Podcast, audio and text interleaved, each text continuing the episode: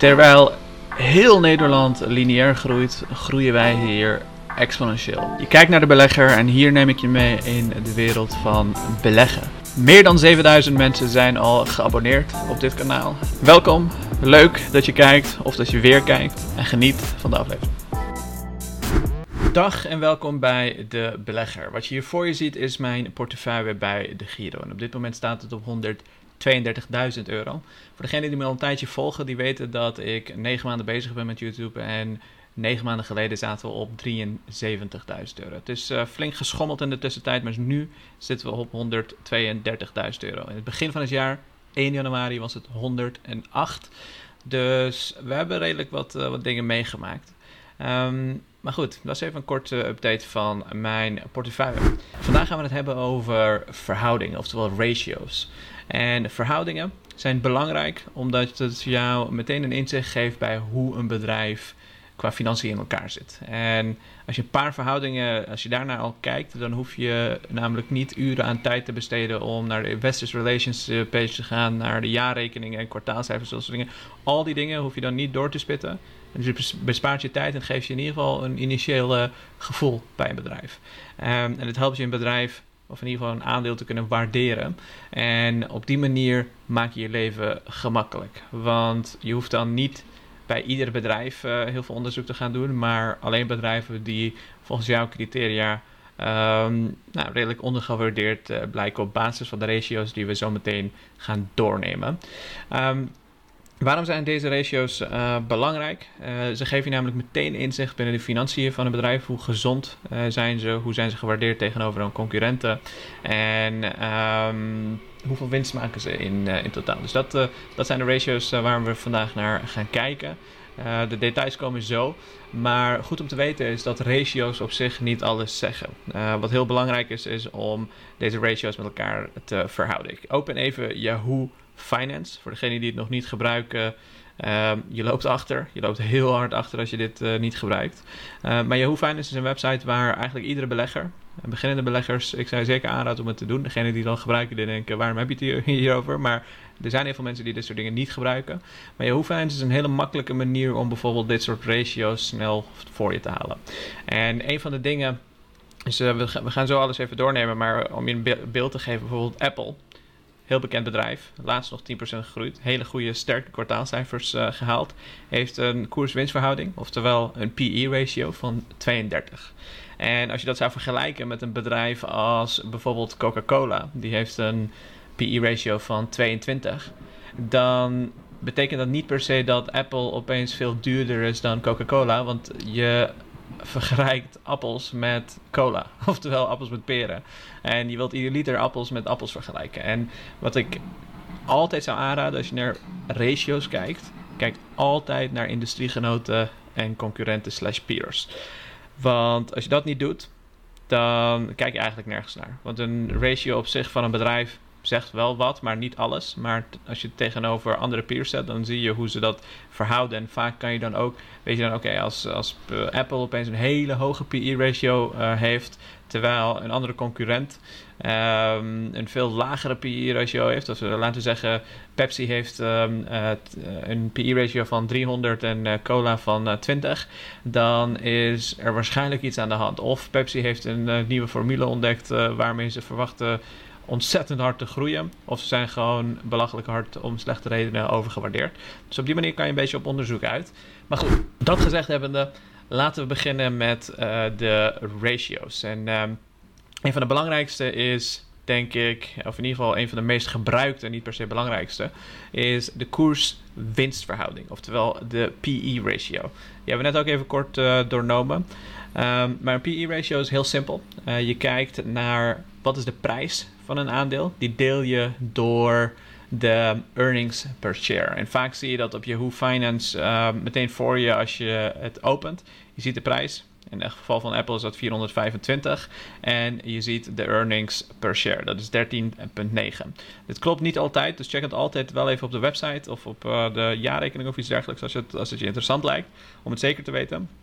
Maar die deel je door elkaar. En dan weet je wat de PE ratio is. In dit geval is dat 32. En op die manier krijg je meteen een beeld bij de koers-winstverhouding. Dus hoe verhoudt de koers zich, de prijs die je nu ervoor betaalt, tegenover de winst per aandeel die zo'n bedrijf maakt.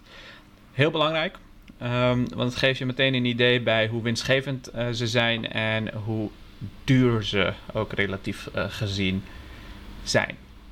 Dus dat is nummer 1, koers-winstverhouding. Om je een idee te geven bij koers-winstverhouding. Um, als je kijkt naar de gemiddelde van S&P 500, dan is dat 15 geweest, ruwweg historisch gezien. Momenteel is dat 28. Dus er zijn heel veel mensen die gaan zeggen dat de S&P 500 overgewaardeerd is, wat heel goed kan. Uh, je weet het uiteindelijk uh, nou, niet, uh, want het ligt aan heel veel verschillende facetten. Maar op dit moment, historisch gezien, is de SP 500 heel erg overgewaardeerd. En dit geldt ook voor een aandeel. Er zijn heel veel uh, verschillende dingen die je kunt gebruiken. Uh, bijvoorbeeld de leden die um, uh, mij kennen, die weten dat ik Fastgraphs bijvoorbeeld gebruik voor de historische koerswinstverhouding van een aandeel zelf. Dat is een betaalde dienst die je kunt nemen. Maar S&P 500 is 15 en op dit moment staan we op 28. Dus dat is wel iets interessants om rekening mee te houden. Um, als je deze cijfers terug wilt vinden, kan je naar multiple.com gaan. Maar goed, dat hebben we behandeld. Laten we als volgende kijken naar debt-to-equity ratio. Want de debt-to-equity ratio, in het Nederlands zeg je de verhouding tussen schuld en eigen vermogen, is een manier om beleggers te helpen om vast te kunnen stellen hoe groot de financiële hefboom van een bedrijf is. Um, dat klinkt heel ingewikkeld, maar wat dit heel simpelweg doet, is het kijkt naar hoeveel schuld heeft een bedrijf tegenover hoeveel cash of in ieder geval vermogen. Want als je dat weet, dan weet je wat, uh, nou, hoe gevaarlijk zo'n bedrijf is. Want stel dat een bedrijf momenteel een schuld heeft van, uh, laten we zeggen, 1 miljard. En een cashpositie heeft van 500 miljoen. Dan is de debt-to-equity ratio 2. Oftewel 200%. En dat wil zeggen dat het bedrijf voor iedere euro een eigen vermogen 2 euro aan schuld heeft. Je moet je eens voorstellen hoe jij je zou voelen als jij, als jij dat had. Dus als jij bijvoorbeeld nog, uh, laten we zeggen, je hebt een schuld van uh, uh, 10.000 euro die je dit jaar uh, moet gaan betalen. En je hebt maar 5000. Nou, dan weet je dat zo'n bedrijf onder druk staat. En vaak wil je idealiter bedrijven die een zo min mogelijke debt-to-equity ratio hebben. Er zijn industrieën waar dat heel normaal is dat dat hoog is. Maar goed, dat is, uh, daar moet je het ook dus met peers gaan vergelijken. Um, nog een ratio die belangrijk is, is return on equity. Oftewel rendement op eigen vermogen. Um, het rendement op eigen vermogen kun je berekenen door de netto winst te delen door het eigen vermogen. Um, een return on equity van 10% bijvoorbeeld geeft aan dat een bedrijf voor iedere 100 euro aan eigen vermogen 10 euro winst maakt. En dit is ook trouwens Warren Buffett's favoriete ratio. Heeft hij, eh, volgens mij heb ik dat wel eens in een uh, interview gezien.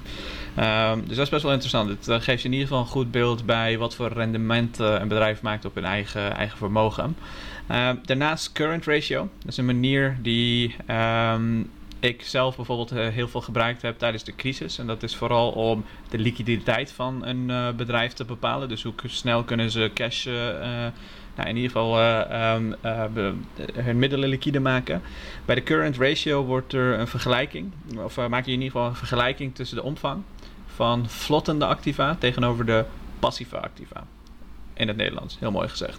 Maar wat dat dus in het Engels betekent, is current assets en current liabilities. Dus hoeveel bezittingen hebben ze op dit moment? Hoeveel assets en tegelijkertijd hoeveel liabilities. Als je dat weet, dan weet je de current ratio en dan weet je hoe liquide um, nou, een bedrijf is op dit moment. En op basis daarvan weet je ook, oké, uh, als we kijken naar het komende jaar, um, hun current uh, liabilities zijn, laten we zeggen, uh, 100.000 en hun current assets zijn iets hoger dan dat. Uh, dat betekent dat ze dit jaar waarschijnlijk gaan redden omdat ze genoeg liquide middelen hebben om dit jaar door te komen. Dus als corona een jaar zou duren, dan gaan ze dat gewoon redden. Dus dat zijn hele belangrijke ratio's om bij stil te staan. En nog iets wat uh, um, voor beginners vooral interessant is, is de payout ratio. Uh, als je een dividendaandelen belegt, dan is dat vooral belangrijk omdat een payout ratio je een idee geeft bij um, hoe veel van de winst uitgekeerd wordt. En als dat een heel hoog percentage is, dan weet je dat er weinig ruimte is om het te laten groeien. Ehm, en ik zou dan ook meteen kijken naar wat de dividendgeschiedenis is dus van zo'n uh, bedrijf. Heeft het bedrijf constante dividend, dividendgroei laten zien? Of zijn ze heel wispelturig wat het uh, dividend uh, betreft? En dat zegt ook heel veel over het management namelijk. Ehm, als continu nou, dividend omhoog of omlaag zetten in plaats van een constante lijn, dan weet je zijn misschien niet shareholder friendly of dat er een slechte management zit. Of in ieder geval, er, er is niet een hele ja, dividendstrategie wat, uh, wat dat betreft. Dus payout ratio is een uh, hele belangrijke. Dividend yield, dus misschien wel een van de makkelijkste. Um, dat is heel simpelweg de huidige koers um, gedeeld door de dividend die het bedrijf uitkeert, uitkeert. Of ik bedoel, de dividend die het bedrijf uitkeert, deel door de huidige koers. En dan krijg je een percentage. Dan weet je dus hoeveel procent dividend je kan ontvangen. Want uh, dat verschilt nogal. Als een bedrijf omlaag gaat, krijg je meer percentage dividend. Want de koers die gaat omlaag, maar de dividend blijft vaak hetzelfde. Tenzij de dividend ook uh, omlaag gaat.